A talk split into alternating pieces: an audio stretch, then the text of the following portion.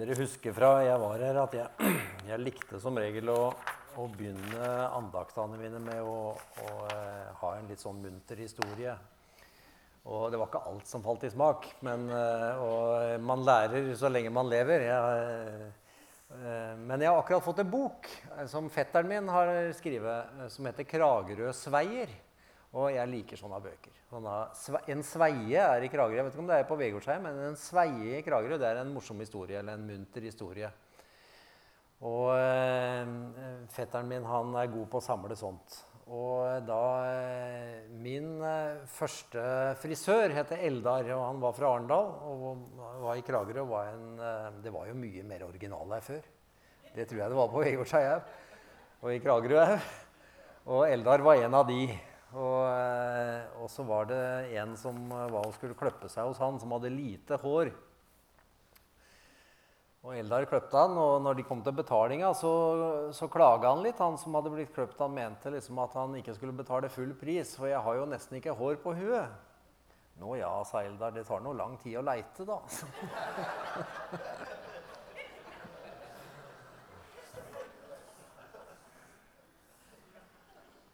Så dermed var den diskusjonen slutt. Jeg vil også be en bønn. Jeg vil lese det som er teksten, som jeg egentlig eh, falt ned på med en gang jeg fikk spørsmål om temaet. Og så vil jeg be en bønn over den teksten. Fra 1. Peters brev 4. Framfor alt skal dere elske hverandre inderlig. For kjærligheten skjuler en mengde synder. Vær gjestfrie mot hverandre uten å klage. Tjen hverandre. Hver og en med den nådegave han har fått, som gode forvaltere av Guds mangfoldige nåde. Den som taler, skal se til at han taler som Guds ord. Og den som tjener, skal tjene med den styrke Gud gir. Slik skal Gud i ett og alt bli æret ved Jesus Kristus. Ham tilhører herligheten og makten i all evighet. Amen. Jesus, må du åpne ordet ditt for oss og tale til hver enkelt av oss i dag. Takk for at vi er her i din nærhet. Takk for lovsangen som har lyd. Takk for at vi kan åpne oss opp for deg som alltid er til stede.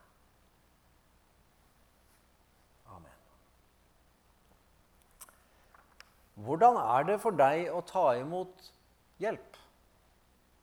Hvordan er det for deg å ta imot andres tjenester? Jeg kan jo i utgangspunktet bare snakke for meg sjøl. Og da kan jeg si med en gang at det er ikke så lett.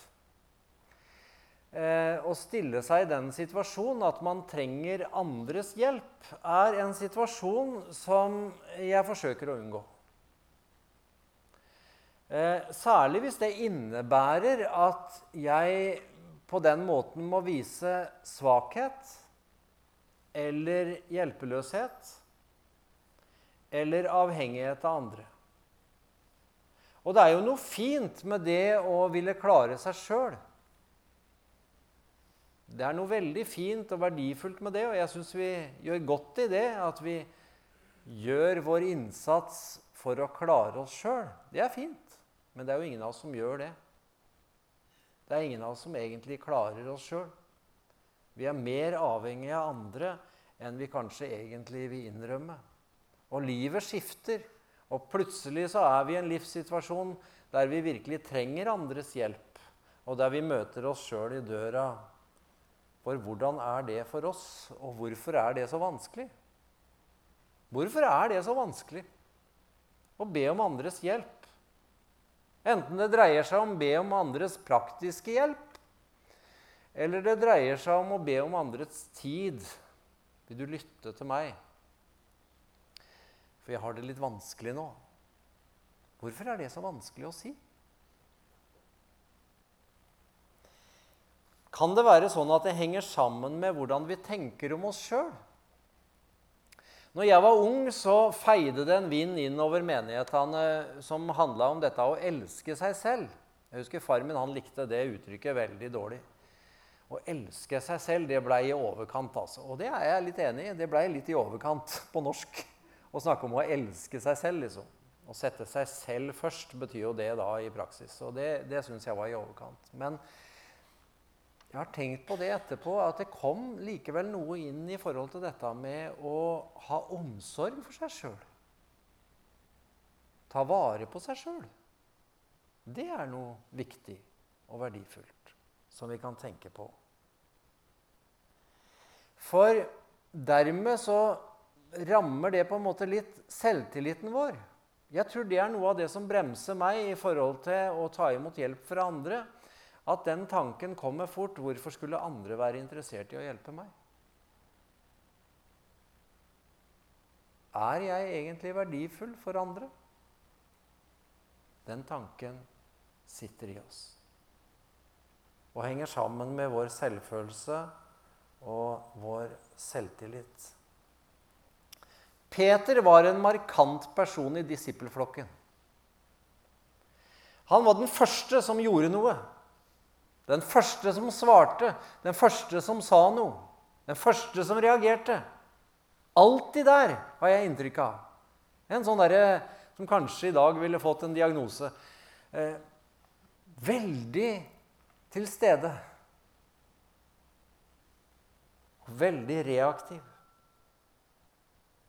Og så hører vi om han i historien som vi leste i dag. Om Jesus som kommer til Peter og skal vaske føttene hans. Og det å vaske føttene var ikke bare en sånn symbolsk handling, fordi de lå ved bordet. Tenk deg det, da. Altså, De stakk jo tærne mer eller mindre oppi maten. Det er ikke noe særlig med litt sånn uh, skitne føtter da, altså. Så Jesus han gjorde en helt nødvendig handling for at de skulle få et hyggelig måltid sammen. Og så kommer han til Peter.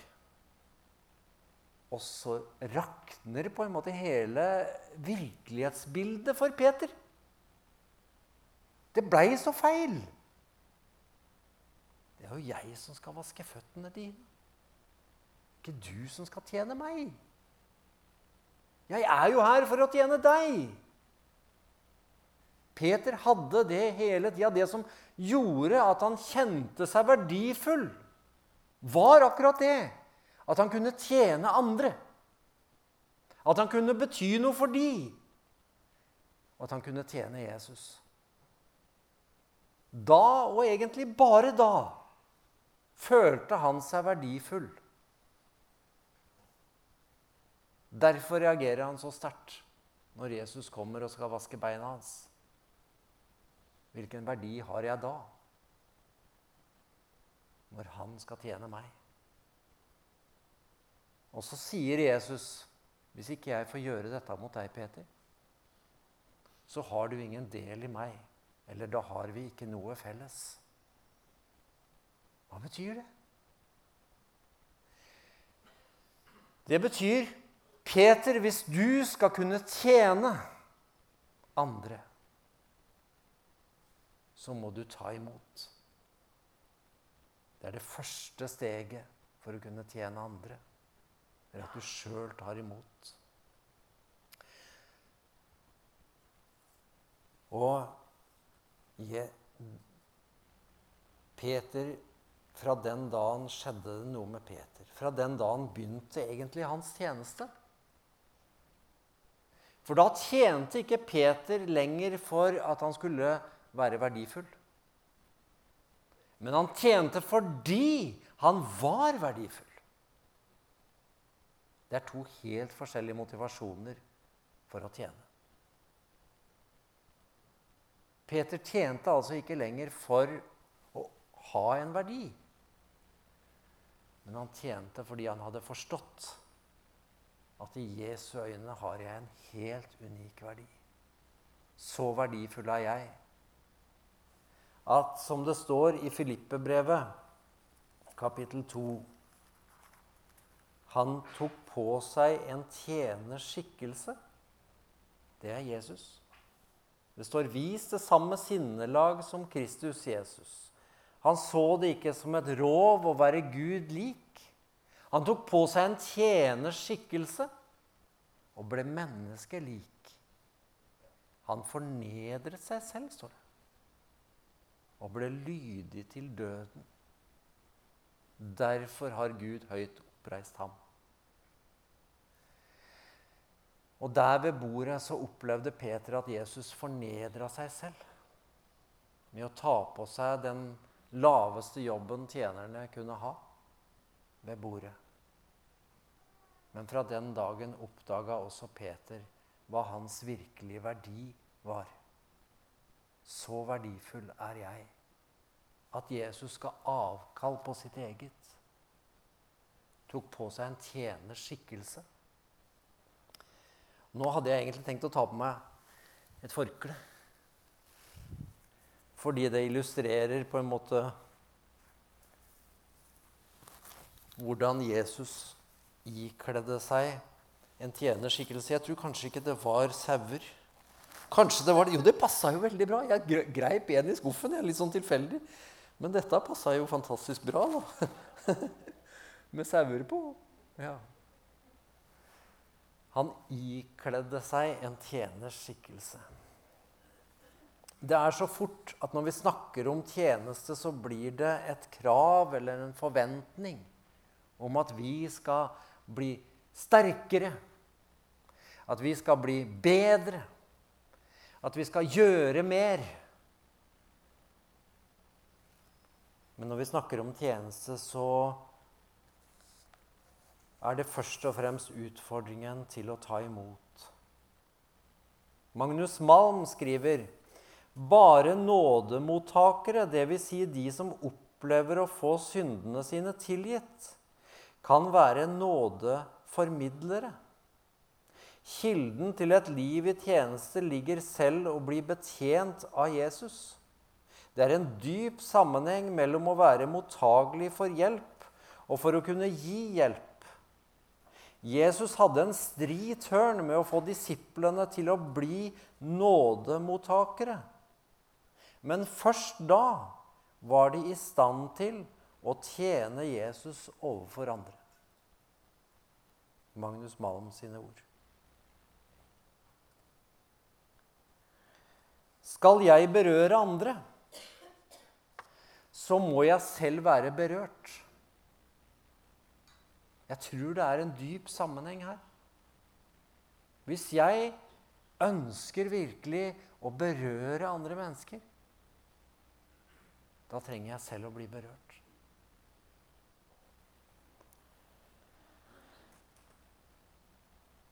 Skal jeg velsigne andre, så må jeg sjøl ha tatt imot velsignelse.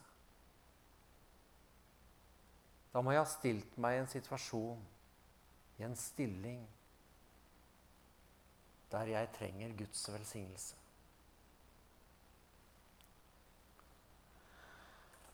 Skal jeg være nådig mot andre? Nå skal jeg si noe rart, men det er erfart fra eget liv. Skal jeg være nådig mot andre, så må jeg ikke være så streng med meg sjøl. Hvis jeg skal være nådig mot andre, så må jeg ha erfart Guds nåde på en sånn måte at jeg også kan være nådig med meg sjøl. Å kjenne Guds nådige stemme i mitt indre istedenfor min strenge røst. Og selv å ha opplevd at jeg er den som virkelig trengte nåde. Sånn at forakten for min egen svakhet blir lekt. Fordi forakt for min egen svakhet fører til, før eller siden, fordømmelse av andre. Her er det en dyp sammenheng. Selvforakt og fordømmende holdning. Og Sånn tenker jeg av og til når jeg møter mennesker som har dom i sitt blikk. Hvor mye selvforakt bærer du på?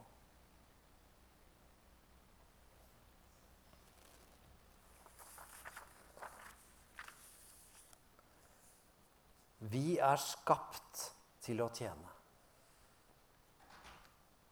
I begynnelsen skapte Gud mennesket. Og så at det var ikke godt for mannen å være alene. Jeg tror om han hadde skapt kvinnen først, så hadde han sagt det samme. Det er ikke godt for kvinnen heller å være alene. Han skapte oss til fellesskap. Og så sier han noe at de to skulle være hverandres hjelpere. På en sånn måte at ikke den ene var over den andre. De var likestilt, med lik verdi, de to.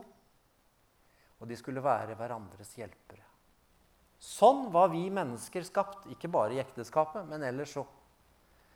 Til å leve sammen. Vi skulle være hverandres hjelpere. Og Jeg har hørt av og til foreldre si til ungene sine er jeg tjeneren din, eller? Jeg har av og til hatt lyst til å si mm, ja, du er vel egentlig det, ja. På en måte. Eh. Vi rivaliserer, ikke sant? Er vel jeg tjeneren din? Det er det det handler om. Jeg vil ikke bøye meg ned. Men det er akkurat det vi er kalt til. Ikke som underkuelse men som en gjensidig underordning under hverandre.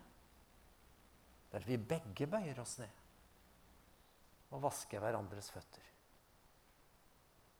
Vi kan ikke vaske hverandres føtter uten å bøye oss ned. Det henger liksom sammen. Det er vi skapt til. Vi er ikke bare kalt til det, men vi er skapt til det. På en sånn måte at det er da vi finner oss sjøl. Vi finner ikke oss sjøl gjennom å nå høyere, bli sterkere, bli mer anerkjent, for høyere status. Vi finner oss sjøl gjennom i det vi gjør, å tjene andre. Og det kan vi gjøre uansett hva vi gjør. Tjen hverandre, sier Peter. Jeg var for noen år sia på tur i, eh, vi var i Italia.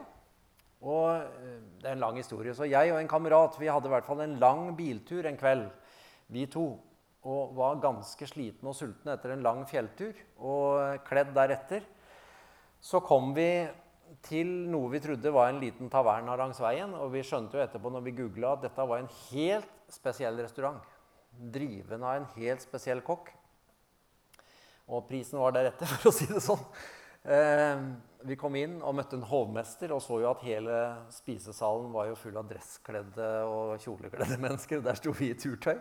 Så vi var i ferd med å snu i døra, men han sa kom inn, kom inn. Finn et bord. Og vi var velkommen til å komme inn og sette oss. Og det var eh, jo fint.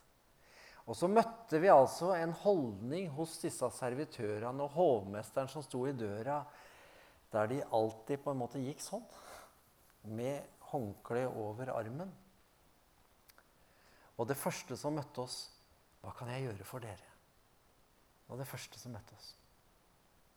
Tenk etter at det var det samme som Jesus sa. Hva kan jeg gjøre for deg? sa han. Hva kan jeg gjøre for dere? Er det noe mer dere skal ha? Er det noe mer dere trenger? Sånn gikk hele kvelden.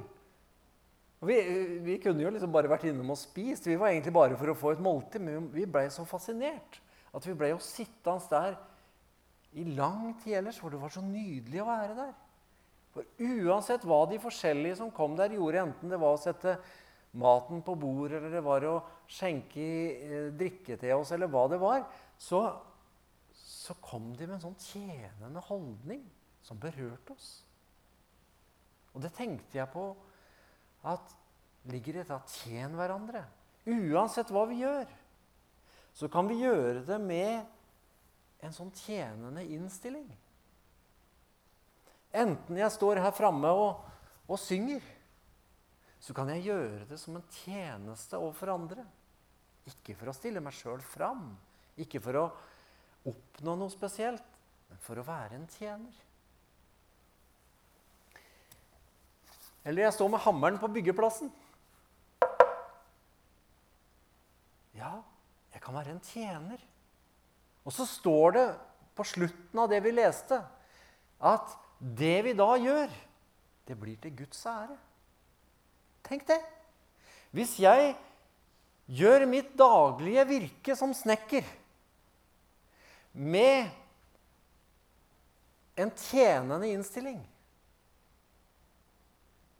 så blir det huset jeg bygger, på et eller annet vis til Guds ære. Det gir en ny dimensjon over det jeg gjør. Enten jeg er sykepleier og setter en sprøyte og møter en pasient og møter sårbare mennesker, eller jeg står med gitaren.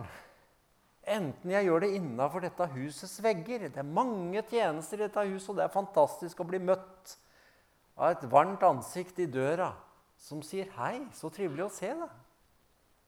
En tjenende innstilling. Det er det vi er kalt til.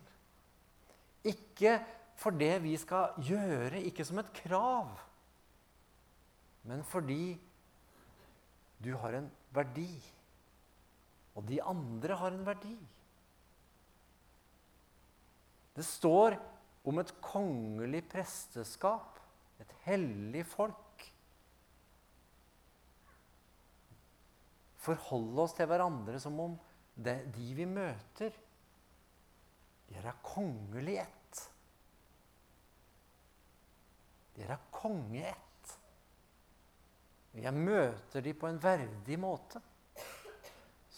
På en sånn måte at jeg gjenspeiler deres verdi gjennom min måte å møte de menneskene på. Det er det som er å møte mennesker på en verdig måte. Sånn at mennesker opplever seg mer verdifulle. Fordi de møtte en med et tjenerskinn.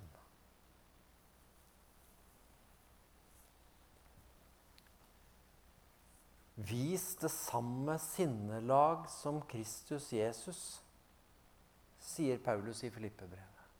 Vis det samme sinnelag som Kristus Jesus.